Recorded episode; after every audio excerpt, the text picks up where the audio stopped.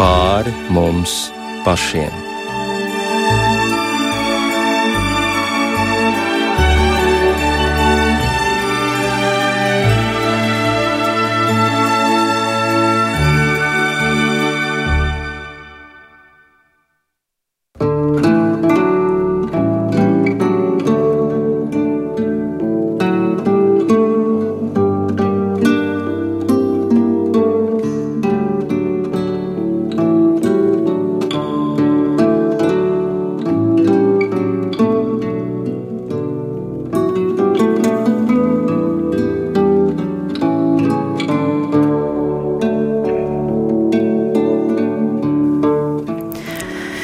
Sveicināti raidījumā pāri mums pašiem, lai ir slavēts Jēzus Kristus. Studijā Inte Zēgnere par skanējumu rūpējas Mārtiņš Paiglis, bet mūsu raidījuma viesi telefoniski ir Rīgas debesbraukšanas Latviešu pareizticīgo baznīcas virspriesteris Jānis Dravans. Labvakar! Labvakar!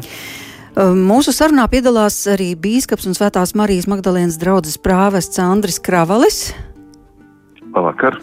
Un Āgenskalna Baptistu draugs mācītājs Edgars Mažis. Labvakar!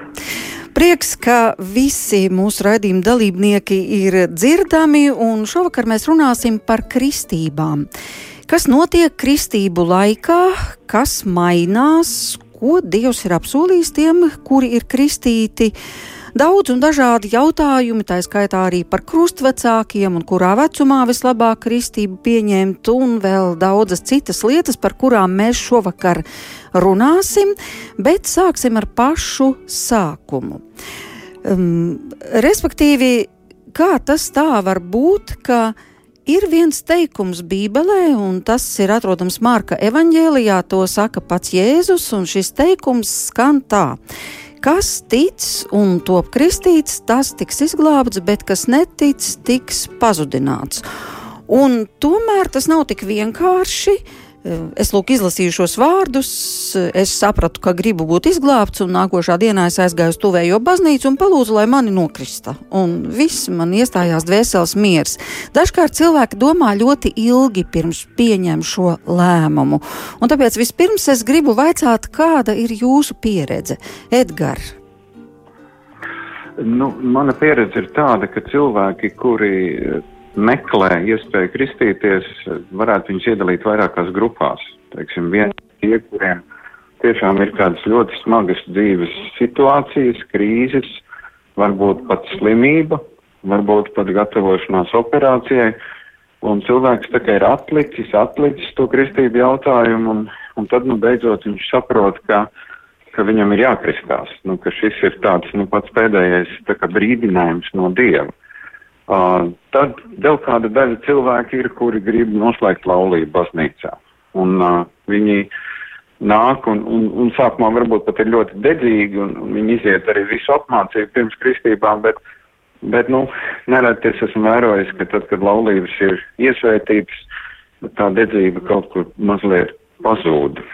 Un, uh, un tad, protams, arī ir cilvēki, kuri ir uzauguši kristīgā tradīcijā un kuriem uh, kristības, vismaz, teiksim, Baptistu baznīcā tā izpratne ir, ir tik loģisks solis, ka, ka vienkārši viņi saka, es ticu, un tāpēc es gribu būt kristīts. Jā, kāda ir tēva Jāni jūsu baznīcā šī pieredze? Kādos gadījumos eh, cilvēki nāk un lūdz, ka viņi grib tapt kristīti? Līdzīga Jā. vai varbūt atšķirīga?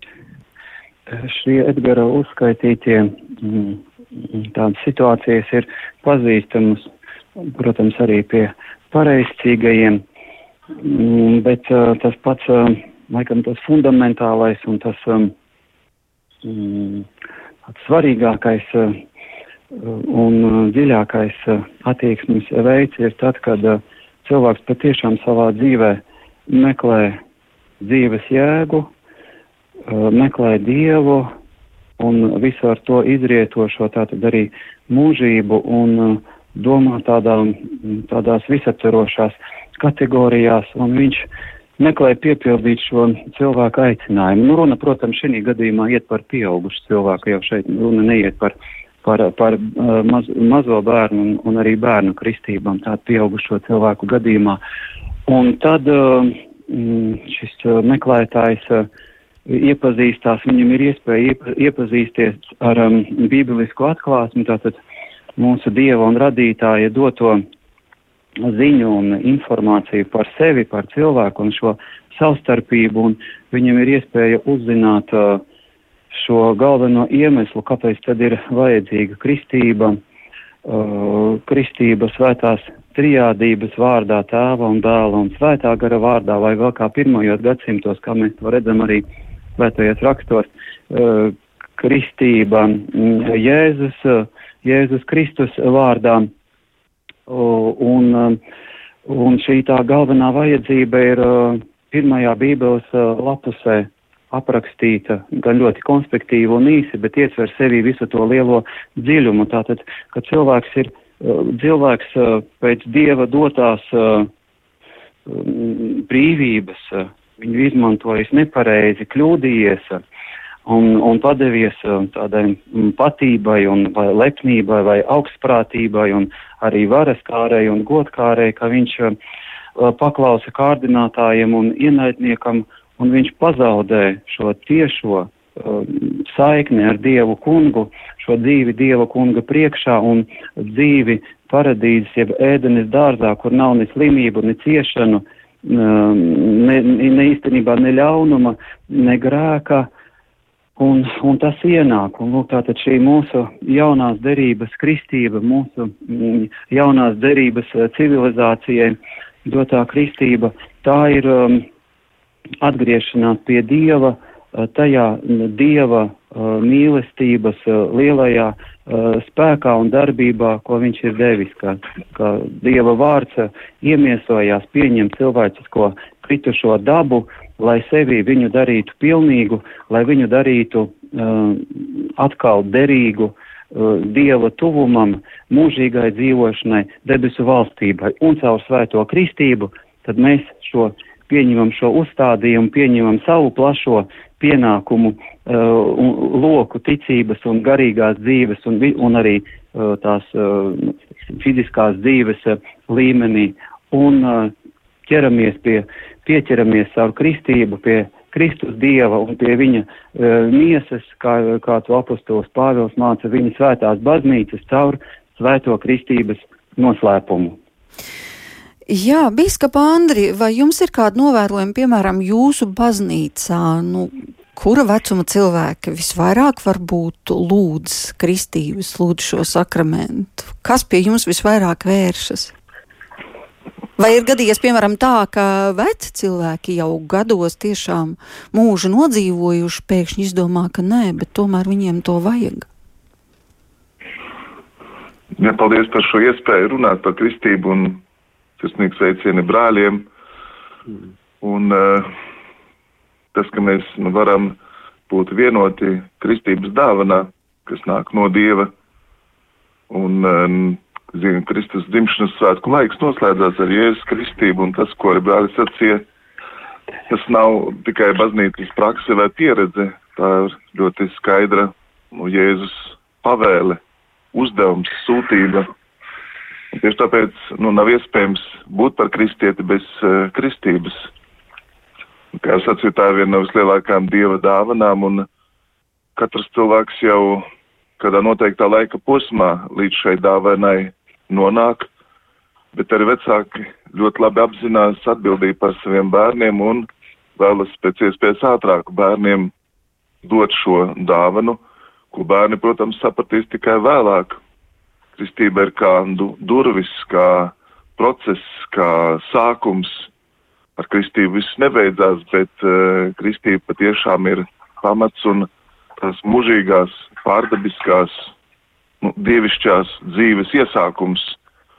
Un uh, Matvīdas Edgars jau labi sacīja, dažreiz tie ir kādi pārbaudījumi, izaicinājumi, dažreiz tas būs arī kāds padoms, varbūt arī rūpes par līdzcilvēkiem.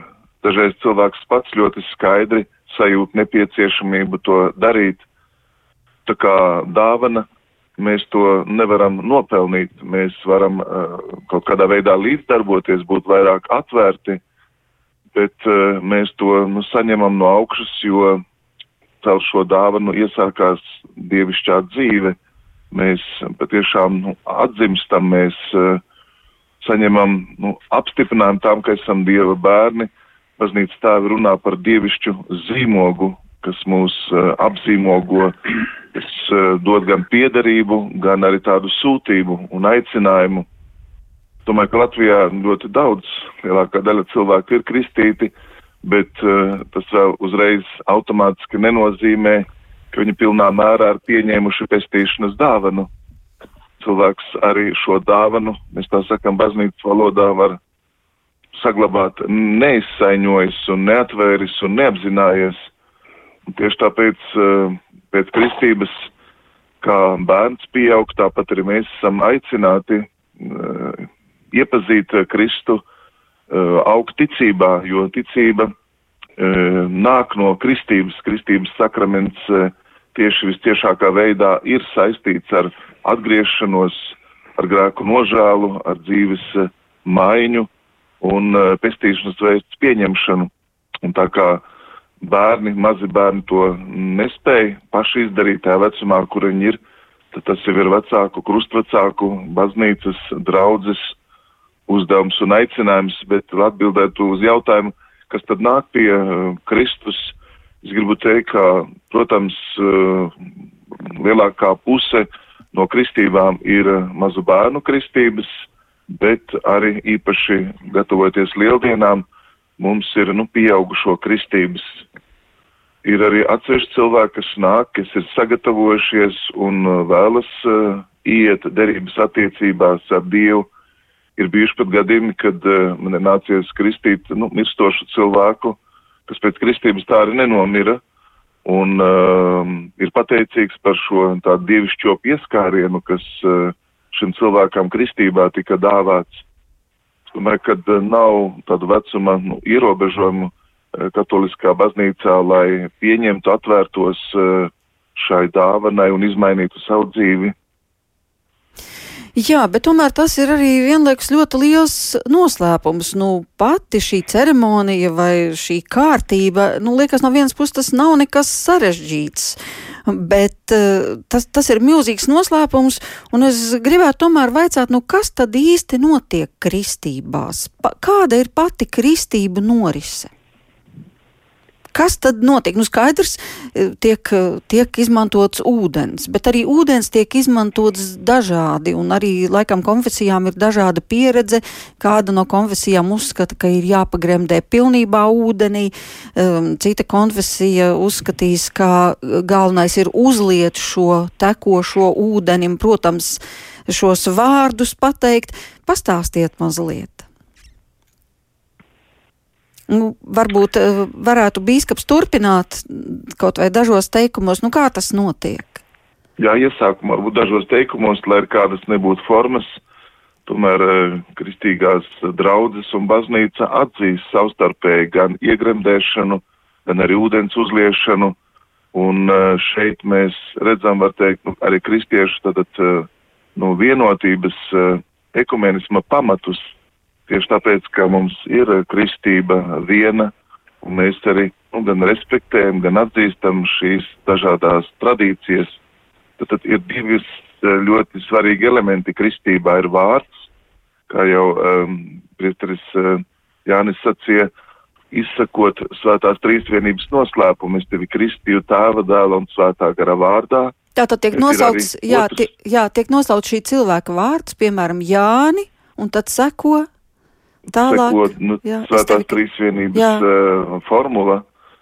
Bet tad, tad nu, ir vārds, uh, jo šis vārds jau arī nes sevī dieva žēlastības spēku. Tas ir uh, mūsu ticības nu, lielākais noslēpums, svētā trīsvienība.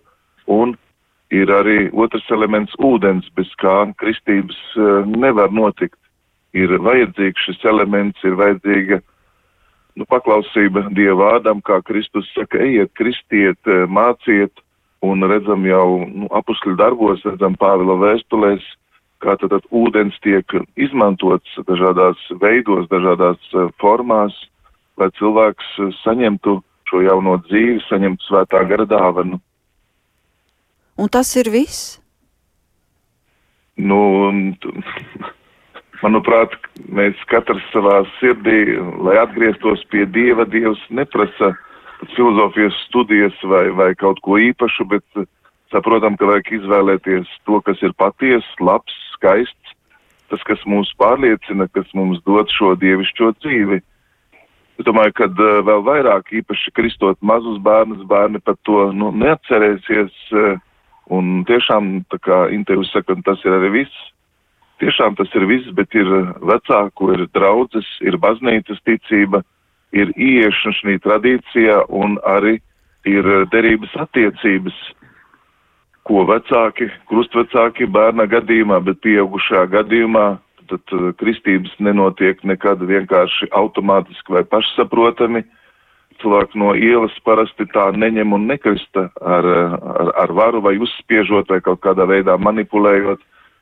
Kristība pieaugušām cilvēkiem ir saistīta ar izvēli, ar Kristus personu, ar ticību svētai trīsvienībai, ar baznīcu kā cilvēku kopību, kurā pestīšana realizēsies. Un vismaz mūsu katoliskā tradīcijā, kā sacīju, kristības ir tikai kā durvis un iesākums, kas ved vēlāk uz vakarēdienu, uz evaharistijas saņemšanu un visbeidzot uz iestiprināšanas sakramentu svētā gara dāvanas saņemšanu.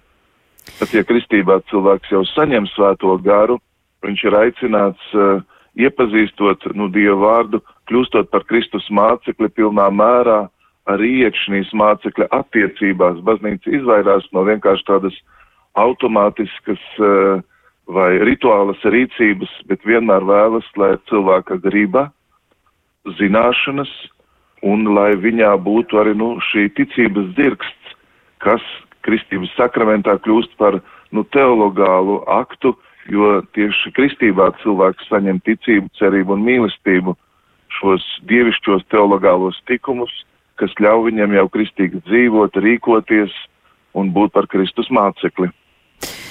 Jā, Edgar, vai var sacīt, ka tajā brīdī, kad cilvēks eh, saņem kristību, izmainās viņa identitāte?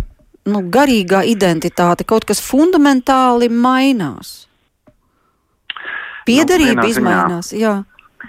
Jā, vienā ziņā mainās, protams, jo, nu, te jau Bīskaps Andris minēja to vārdu derība. Uh, un es teiktu, ka, nu, varbūt līdzīgi kā laulības derība, kristības arī ir derība, kuru, kuru mēs no savas puses sakām savu jā vārdu kristumu. Uh, un, uh, un tad, teiksim, tas kristības brīdis ir, uh, ir kaut kādā ziņā, nu, uh, es tā lūkšana sirdī, kungs, es gribu tev kalpot visu mūžu. Es gribu iet ar tevi uz visu mūžu. Es, uh, uh, es negribu no tevis iet projām, jo, jo kaut kādā ziņā, nu, baptistu tradīcijā kristības seko tam, ka cilvēks, nu, var apliecināt, ka viņš ir sastapies ar Kristu, uh, ka būtībā tās izmaiņas jau ir sākušās. Bet, bet kristības kā publiska liecība, teiksim, nu, tie ir ļoti lieli svētki Baptistu draudzē, un tas kaut kādā veidā ir arī sasaistāms ar kristības solījumu atjaunošanu tiem, kas jau ir kristīti. Un reizē tā ir arī tāda ļoti īpaša liecība, jo tajā kristības dievkalpojumā atnāk radinieki, kuri vēl nav kristīti. Jo bieži vien tas cilvēks, kuru kristē ir varbūt pirmais savā dzimtā. Un tā kā tam, tam kristību brīdim, tam kristības nu, aktam ir tāda ļoti daudzslāņaina nozīme. Jā, un parunāsim vēl par tādu īpašu datumu, kas ir ļoti svarīgs pareizticīgo baznīcā. Tas ir 19. janvāris, un daudzi cilvēki to zina. Un šajā dienā cenšas piepildīt traukus, pudeles ar ūdeni, pat vienkārši tekošu ūdeni no krāna. Un šis ūdens ir dzīdrs un pat ļoti, ļoti ilgi stāv un nekļ, nekļūst duļķains. Un tam visam ir kāds pamatojums, jo tie pareizticīgo baznīcā baznīcā ir īpaši svētki. Un tieši tā tie ir saistīti ar kristīšanu. Jā, pareizcīgā baznīca caur gadsimtiem svina šos um, dieva parādīšanās svētkus, um, un sākotnēji pirmajos gadsimtos uh, Kristus pestītāja piedzimšanas um, diena un uh, svinēšana un viņa kristīšanās svētku un, un diena šīs, uh, šie divi notikumi bija apvienoti vienos svētkos, um, Dieva parādīšanās svētkos, kā viņi sauca, nu tad viņi tiek sadalīti um, Kristus piedzimšana atsevišķi un šī tā, tā kunga kristīšanās diena, kad viņi atceroties to notikumu, kad Kristus Dievs nāk pie sava uzticamā un svētā kalpa, Jāņa Kristītāja pie Jordānas, kur jau, kur, kur Jānis Kristītājs jau ir sūtīts um, no Dieva kunga aicināt um, tautu uz atgriešanos no grēkiem un pieņemt šo grēku nožēlas kristību, un Kristus Dievs arī pieņem šo uh, grēku nožēlas kristību, uh, būdams, uh, būdams bez grēka. Un tādā veidā parādīdams paklausību, paklausības piemēru mums, tātad cilvēkiem, viņa kalpiem un iesveitītams ar, iesveitītams ar savu dievišķo e, sveitību ūdens dabu. Jordānas ūdeņus un caur Jordānas ūdeņiem visus pasaules ūdeņus. Un tālūk caur gadsimtiem šo 19. Mm, janvāri, ja pēc uh, Juliāna uh, kalendāra, tātad mīnus 13 dienas 6. Uh, 6. janvārī uh, Svētā baznīca mm, liturģijā ietver lielo, lielā ūdens iesveitīšanas kārtu, kad tiek dziedāti šie mm, dziedājumi un lasīts tāda, tāda pat, tādas pašas lūkšanas kā kristīšanas kārtā. Tur ir diezgan garas lūkšanas, lai iesveitītu uh, Eh, šo kristību ūdeni kristāmajiem, un viņas ir saskanīgas ar šo svētku, svētku ūdens iesvētīšanas lūkšanām un svēto krustu, krusteniski iegremdējot tajā Jordānā, kura nu mums ir, vai nu mēs esam izgājuši krusta gājienā uz tuvāko ziemas ūdens tilpni, vai tie ir mūsu uh, mazā Jordāna dievnamā piepildītā ar ūdeni, ar šo krusta, ar, ar svētku krusta, ar svētku tropāra dziedājumu, ka tu Jordānā kristījies un ka šī svētā trijādības atspīdēšana notikuma, notika, ka tēva balss no debesīm apliecināja Jēzu no nāceris par savu mīļoto dēlu un svētais gars baloži izskatā uz viņu uh, nolaidās un apliecināja mm, šī pat, uh, notikuma patiesīgumu. Un uh, tādā veidā katru gadu tiek atjaunota šī uh, toreizējā uh, ūdens iesveitīšana, ko Kristus Dievs iemiesojies, uh, Dieva vārds uh, veids uh, Jordānas ūdeņos. Un tas ir, un tas ir tieši saistīts arī ar mūsu uh, pareizībā, ar uh, kristību ūdeņu iesveitīšanu. Vēlreiz atkārtoju, ka lūkšanas ir ļoti līdzīgas. Bet šo uh, vēl vienu ļoti svarīgu momentu uh, pareizcība, ko glabā šo saikni ar uh, sākumā minēto, ka kristība ir um, vajadzīga tam, kurš meklē glābēju un kurš meklē glābiņu. Tātad glābiņu pirmkārt no glābiņu no grēka. Un šis glābiņš no grēka ir, kā jau Jānis Kristītājs tika sūtīts, un um, viņš aicināja visus uz šo grēku nožēlu, un pēc tam Kristus Dievs arī iesāk slavu sludināšanu ar šiem pašiem vārdiem atgriezieties, uh, atgriezieties no grēkiem un ticiet evaņģēliem. Tātad šis grieķu vārds, šī met, metanoja, metānija, šī sirdsprāta izmaiņa uh, no, no tā egoistiskā, grēku mīlošā, uh, savu labumu, savu uh, iegribu un gribu apmierināšanas uh, statusa uz uh, dieva, dievam uzticības uh, statusu, uz to saturu, kas atbilst dievam kungam un šim sākotnējam ideālajam, ideja, ideālajam cilvēka aicinājumam būt līdzīgam savam dievam un, un radītājam. Un brīnišķīgi šo komentē pavisam īsi sveitītājs Feofants vienturnieks kā reizi Šodien tiek eh, lasīti vārdi no baznīcā no svētā apustuļa Jēkaba vēstules, eh, ka ticība mm, bez darbiem ir mirusi, un uh, viņš saka, ka ceļš uz ticību ir grēku nožēla. Un saka, un grēku nožēla ko saka? Sagrēkoju, vairs tā nedarīšu. Tātad negrēkošu, tas nozīmē dzīvošu pēc kunga svētajiem baušļiem, un viņš to sauc par taisno, tiešo, uh, ceļu, ka šis cilvēks, kurš tādu ceļu iet uz kristību un tādām, uh, no, tāda, no tādas pozīcijas saņem šī uh, kristības uh, iesvētīšanu, uh, dieva uh, svētību un baznīcā to sauc pat tā, ka kri, ap, aptērp Kristu svētajā kristībā, aptērpjās Kristu. Uh, viņš saka, ka tāds cilvēks ir um, labo um, darbu um, meklētājs un cīnītājs, kunga svēto baušļu pildītājs un cīnītājs ar visiem grēkiem un visiem dzīves kārdinājumiem no pirmās dienas līdz pēdējai. Jā, vēl īsi pirms mēs uh, turpinām ar mūziku, tas nozīmē, ka pat ja cilvēkam pieņemsim ir 60, un viņš saprot, ka dzīve ir bijusi galīgi garām un ir tik daudz vispār neatgriezieniski sliktu lietu sadarīts, un tās nav iespējams vairs nekā vērst par labu vai, vai nomazgāt, tad patiesībā ar šo kristības ūdeni un ar šiem vārdiem, ar kristību viņš pilnīgi kļūst nomazgāts, tīrs, dieva priekšā kā balta lapa, nu tā kā tikko dzimis bērns, vai tā varētu teikt? Vai tā tas ir? Bīskapa Andri varbūt. Visus, iedrošinātu visus, nu tā tad uh, tam ticēt un to izmēģināt savā dzīvē. Domāju, ka neviens, uh, nu, par to nenožēlos uh, mūžības priekšā. Bet uh, vēl mazliet, mazliet atgriežoties pie tā, ko brālis sacīja, manuprāt, nu, nevajadzētu tā arī vienkāršot kristības sakramentu.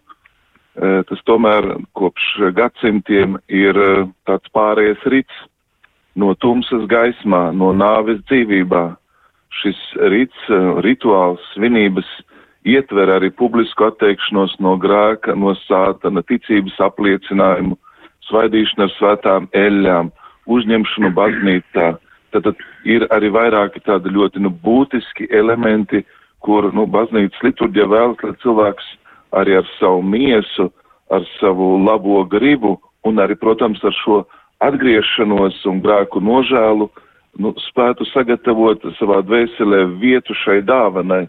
Tāpēc cilvēki līdzdarbojās, tāpēc kristības visciešākā veidā ir saistītas ar Kristus augšām celšanos, ar šiem paskas svētkiem, kur tad Kristus dāvā kristības avotu. Pat arī nu, mūsu tradīcijā mēs svinam Jēzus kristību kā Kristus dzimšanas svētku kulmināciju, kā Ziemassvētku kulmināciju, bet uh, tieši nu, lieldienas šī jaunā dzīve, šī pestīšanas dāvana dod mums iespēju augšām celties ar Kristu, jau uzvarēt nāvu, nāvi un kļūt par nu, Kristus mācekļiem un sekotājiem gribētu teikt, ka uh, Dievs mūs ir apveltījis ar prātu, ar uh, labo gribu, un tāpēc tāda cilvēka līdzdarbība šīs dāvanas saņemšanā, viņa ir ļoti būtiska un svarīga. To jau Dievs, ja tā var teikt, uh, vērtēs, svērs mūžības priekšā, bet arī mums uh, nu, ir jāvēlas uh, šī dāvana, jācenšas, cik ir iespējams caur Dievu vārdu, caur varbūt baznīcas tradīciju, caur kristiešu liecību, iespējams maksimāli to izprast un arī par to liecināt, jo uh, kristietis nevis vienkārši caur kristībām kļūst piederīgs, bet viņš kļūst par liecinieku, viņš ir uzņemās pienākumus un saistības, un tāpēc kristoties viņam, nu, tas ir jāiepazīst, viņam jāiepazīst jaunā dzīve Kristu, kas iesāksies tulīt pēc kristībām. Bet fakts ir tas, ka viņš tajā brīdī tiek uzņemts dieva ģimenē, vai varētu sacīt, dievs viņu tajā brīdī adoptē. Tā kā viņš kļūst par dieva bērnu, vai tā varētu teikt? Vai tā ir tāda adopcija, vai tā varētu teikt? Es nezinu, cik tas ir teoloģiski pareizi vai nepareizi. Domāju, tā kā brāļi pateica, jau tad, tad gan tur ir derība, jaunas attiecības, eh, tie trīs dievišķie tikumi, kas viņam tiek dāvāti, ko cilvēks nevar uh, citādā veidā iemantot vai iegūt, jau sacīju tā ticība, cerība, mīlestība. Cilvēks arī zaudē iedzimtā grēka uh, spēku, iedzimtais grēks zaudē savu varu par cilvēku, un kā tēvs Jānis jau sacīja, tad Kristus uh, atpērk šo cilvēku, Kristus uh, nopelni uh, dod šim cilvēkam šo nu, jauno dzīves kvalitāti, uh, Dieva bērna stāvokli, to var saukt par tiešām tādu dievišķo adopciju, un Austrum baznīca, pareizcīgā baznīca runā par dievišķošanu, kas notiek kristības sakramentā. Tad, tad tas iesā, iesākās, nu, svētapšanas ceļš, ceļš uz svētumu, kur Kristus cilvēkam kļūst par, nu, visu lietu mērauklu. Šovakar runājam par kristībām un par to arī kādas garīgas izmaiņas notiek. Jā, un arī par to, no kā varbūt būtu jāuzmanās. Vai jums ir zināms tāds termins kā pēckristību eiforija?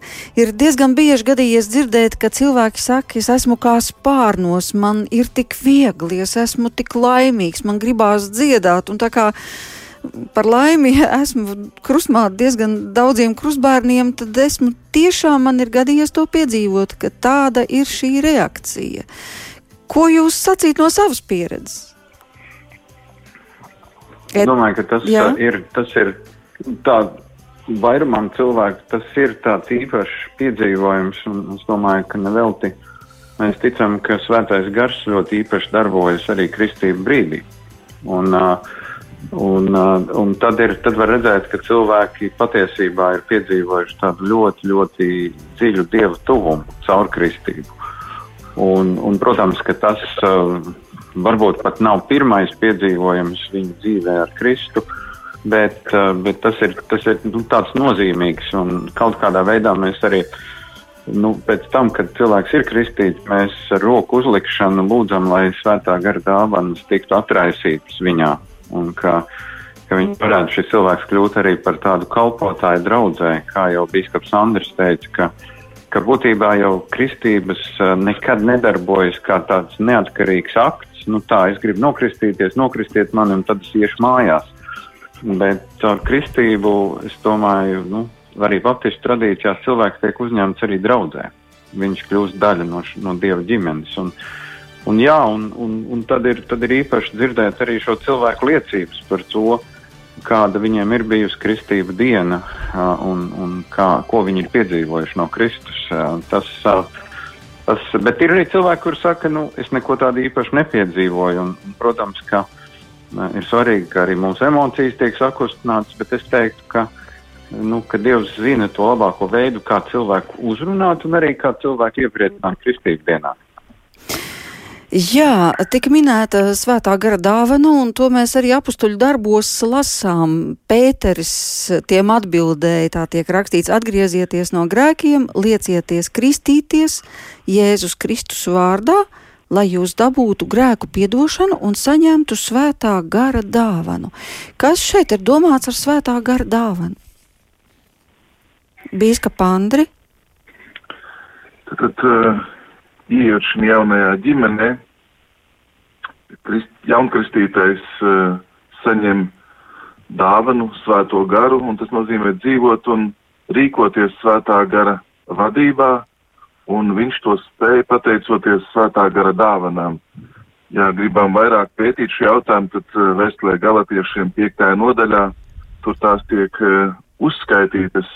Cilvēkā nu, iesākās jauns process, ka viņa dzīvi vada svētais gars. Pāvils eh, romiešiem teiks, Dieva bērni ir tie, kurus vada svētais gars.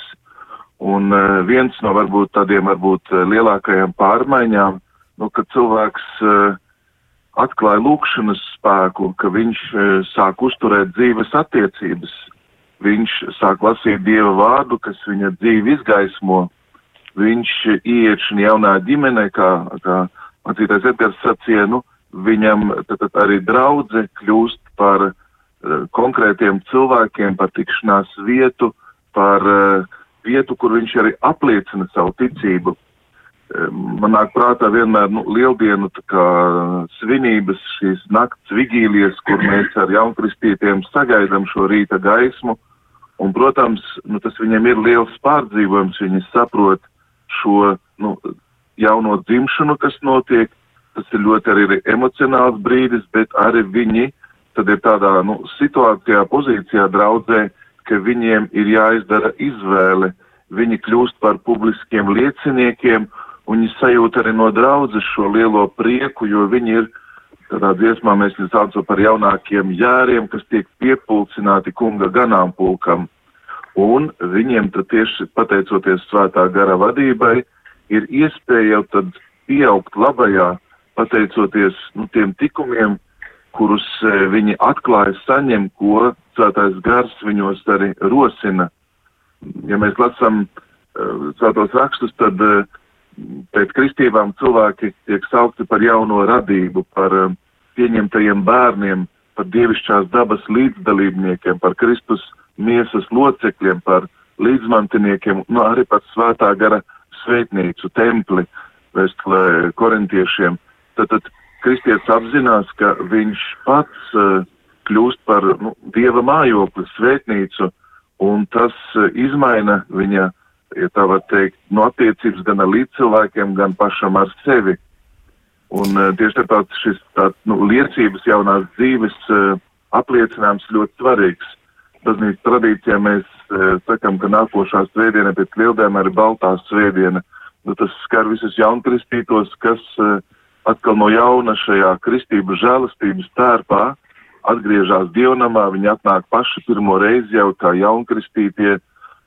Un uh, baznīcā tad, tad nu, viss nebeidzās, bet uh, caur pārējiem sakramentiem šī tāda ieiešana draudzē, kristīgās dzīves izkopšana, viņa turpinās. Tas ir tiešām tāds, nu, process visa mūža garumā. Tāpēc es domāju un iedrošinu visus, kas par šo jautājumu domā, nu, neapstāties varbūt to bieži vien eh, neziņas šaubu vai, vai, vai nedrošības eh, priekšā, bet uh, spērt šo soli. Un tad cilvēks pa īstam tikai arī tos ticības apvēršus un skaistumu ierauga, tikai tad viņš arī īstenībā sajūt savu piederību Dieva valstībai, viņš jūtas kā Dieva bērns. Mēs šeit ļoti daudz varam uh, teoloģiski runāt, skaidrot, bet kamēr cilvēks, ja tā var teikt, nav spēris šo soli, nu, tā viņam vairāk vai mazāk ir informācija, bet tie, kas ir kristīti, viņi zina un viņi varētu šajā brīdī paši liecināt par tām izmaiņām, ko mēs kā garīdznieki vienmēr arī redzam un gribam liecināt. Jā, nu es runāju par to pirmo eforiju, un tāda tiešām ir redzēta un piedzīvota, bet tas ir tikai pats sākums. Bet, ja mēs, piemēram, lasām Bībelē, tad, tad kad Jēzus tika kristīts, tad nākošais solis, kas notika viņa dzīvē, bija tas, ka viņš nokļuva tūkstnesī, un tur viņš tika kristīts vēlna kārdināts. Un tāpēc jautājums, kas notiek tajā brīdī, kad cilvēks šo kristību saņem, varētu domāt, ka tagad sākās pilnīgi rožainas dienas. Vai tā ir, vai arī ir kaut kādas lietas, no kā viņam turpmāk būs īpaši jāuzmanās? Kas notiek tajā garīgajā pasaulē, tēvi Jāni? Kāda ir pieredze? Jā, šim iepriecinājumam mm, svētā gara iepriecinājumam un līdz ar tēvu un, un dēlu svētās trijādības iepriecinājumam būtu jābūt uh, katra kristāmā dzīvē un zināmā mērā tas noteikti ir apliecinājums uh, tai kvalitātei, kādā ir uh, izdevies kristāmajam, jaunkristajam, ka jaunkristītajam sagatavoties, gatavoties šim lielajam notikumam šai derībai ar Dievu kungu un kāds ir bijis viņa pienesums, tātad cik dziļa ir bijusi me metānija, šī, šī grēku nožēla un um, Dieva ceļu izzināšana un sagatavošanās uh, tiem nu, jau tajā gatavošanās periodā. Un šis uh, gatavošanās um, laiks svētajai kristībai viņu varētu saukt par mūsu dzīves galveno diplomu darbu garīgo diplomu darbu, kuram tā arī vajadzētu uh, pieiet, jo reizēm mēs novērojam tādu situāciju, ka mēs gribam garīgajā mm, visu dabūt pa lēto, pa vieglo, mm, tādā, jā, varbūt ne, ne, nekorektā valodā izsakot šo nekorekto attieksmi um, pret um, svarīgāko, svarīgāko mūsu dzīves tādu iespēju doto mums.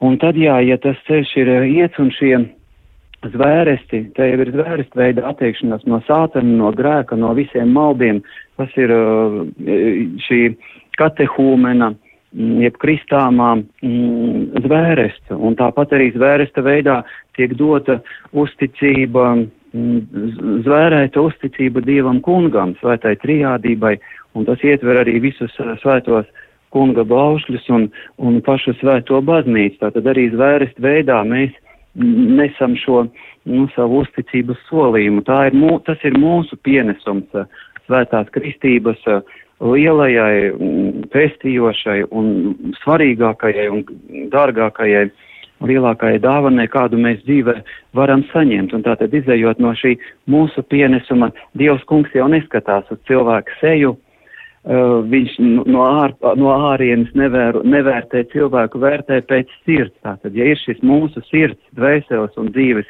pienesums, tad noteikti ir šīs uh, iepriecinājums, uh, šī svētā gara spēks un svētība un šis, um, jā, šis tāds pacēluma laiks.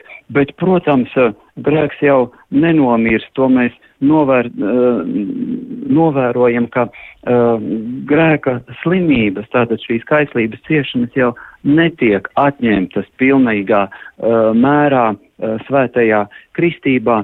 Dievs kungs mums atstāja šo darbu un uzdevumu pašiem ar tām cīnīties ar jau jaunā kvalitātē, jaunā spēkā, Dieva spēkā, ar Dieva palīgu cīnīties, pārvarēt un no tām atbrīvoties. Tāpēc, protams, mūsu kristīgajā dzīvē dažāda veida pārbaudījumi, kārdinājumi, tostarp arī slimības, ciešanas un kaut kādas šauras dzīves eh, situācijas eh, mūs piemeklē, bet uh, kristītam cilvēkam no tā nevajag vairs baidīties, bet tiešām ar, ar ticību, ar vīrišķību un paļaušanos uz Dieva kunga palīgu stāties pretīm katram, nu, katram pārbaudījumam, katram kārdinājumam un ar uh, ticībā un pacietībā un lūkšanā to pārnest, pārciest un uzvarēt un iziet kā uzvarētājiem. Un būtībā kristīgam cilvēkam šī dieva nu, tā lielā palīdzība ir tāda, ka uh, kristīgam cilvēkam, kristītam cilvēkam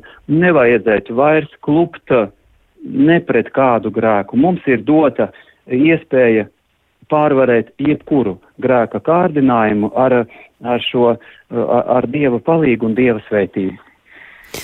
Jā, vai vienmēr ir garīdznieks tas, kurš krista? Vai tā ir garīdznieka prioritāte? Lūdzu, kāds no jums trījiem Nu, es domāju, ka tas ir tāds normāls veids, ka to dara garīdznieks. Nu, ja garīdznieks nav pieejams, tad izņēmuma kārtā to varētu darīt arī diakons.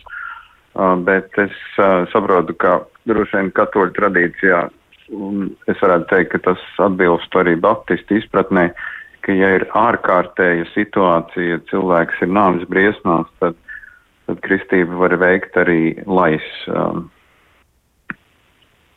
Jā.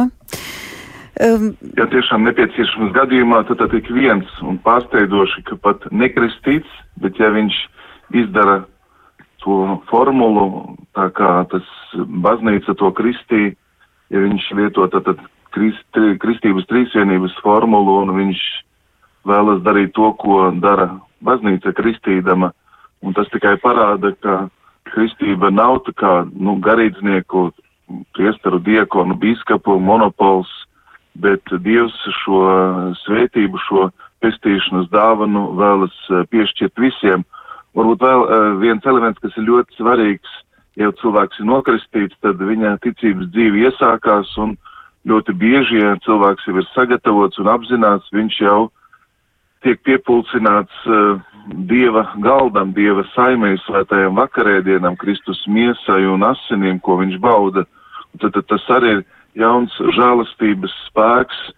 Cilvēks iesakņojās uh, caur uh, kristību Kristū, bet arī viņam tiek doti līdzekļi, kas šo nu, kristīgo dzīvi viņā uztur. Un, un, un kā tās Jānis sacīja, mēs bieži runājam par to, ka Jēzus tika kārdināts tūkstnesī, protams, bet mums daudz vēl lielāk jāredz, ka viņš uzvarēja šos kārdinājumus, viņš uzvarēja tos mūsu vietā, viņš, um, ja tā var teikt, dod mums gan priekšzīmi, gan piemēru, gan arī līdzekļus, uh, nu, kādā veidā tad uzticīgi sekojot Kristum arī, nu, uh, vienmēr piecelties, un tas, ka cilvēks kritīs un būs pārbaudījumi, protams, tieši tāpēc ir grēku nožēla, izlīkšanas grēku sūdzes sakraments, bet tas ir jauns, pilnīgi Dieva bērna process, kas ir iesācies cilvēkā. Vai var sacīt tā, ka līdz ar kristībām cilvēks iegūst jaunu identitāti, bet tomēr tajā pašā brīdī, tajā pašā laikā viņš vēl joprojām saglabā savu veco raksturu un vecos ieradumus, ar kuriem viņam būs jācīnās tikai vairs ne savā spēkā? Es domāju, ka jā. Es domāju, ka jā, un uh, mums ir jāsaprot, ka uh, tas jaunais radījums nenozīmē, ka mēs esam, nu, pilnīgi tādu. Mums joprojām jādzīvo ir savā ķermenī. Tikai tā atšķirība ir tā, ka ja līdz tam, līdz kristībām cilvēks mēģināja tad nu savā spēkā to darīt, tad, tad, tad caur svēto garu, kas mums tiek dots, mēs arī saņemam, kā Pāvils Efeziešiem 6. nodaļā saka, bruņojieties ar visiem dievu ieročiem, lai varētu stāties pretī vēlnu viltībām. Un, un tāpēc es teiktu, ka tā ir tā atšķirība. Tie uzbrukumi sātana varētu būt pat smagāki, jo, jo sātans ir zaudējis uh, tajā cīņā. Tas cilvēks ir kļuvis par Kristus īpašumu, un uh, tā pašā laikā viņš nav viens pats. Viņš nav viens pats, ar viņu ir Kristus spēks. Respektīvi, no sātana nagiem ir izrauta vēl viena dvēsele bet tas nozīmē, ka tai dvēselē ir jābruņojas, jo nevajag domāt, ka nebūs uzbrukumu. Baznīca tēva runā par tādu zīmogu, ko nevar izdzēst nekāds grēks. Pat uh, tad, ja grēks traucē kristībai nest pestīšanas augļus, e, kristību piešķirt tikai vienreiz un uz visiem laikiem, tā nevar tikt atkārtota, un šī tāda piederība Kristum, Kristus uh, kas dzīvo manī, kā saka apustulis Pāvils, eh, tad palīdz arī nu, kristīgās dzīves, eh, tā var teikt, tādā eh, nu, dzīvē un dinamismā iet uz priekšu šī pasaulē. Vai var sacīt, ka kristība ir kā pase, kas nodrošina mūžīgo dzīvi cilvēkam? Es domāju, daudz vairāk, jo pasi var pazaudēt, un nevienmēr var apzināties, ko tad šī pase tev dod Es domāju, ka tas ir nu, daudz lielāks stāvoklis. Varbūt mēs ceram, ka šo pases realitāti mēs varam saprast labāk to, bet noteikti tas ir daudz vairāk.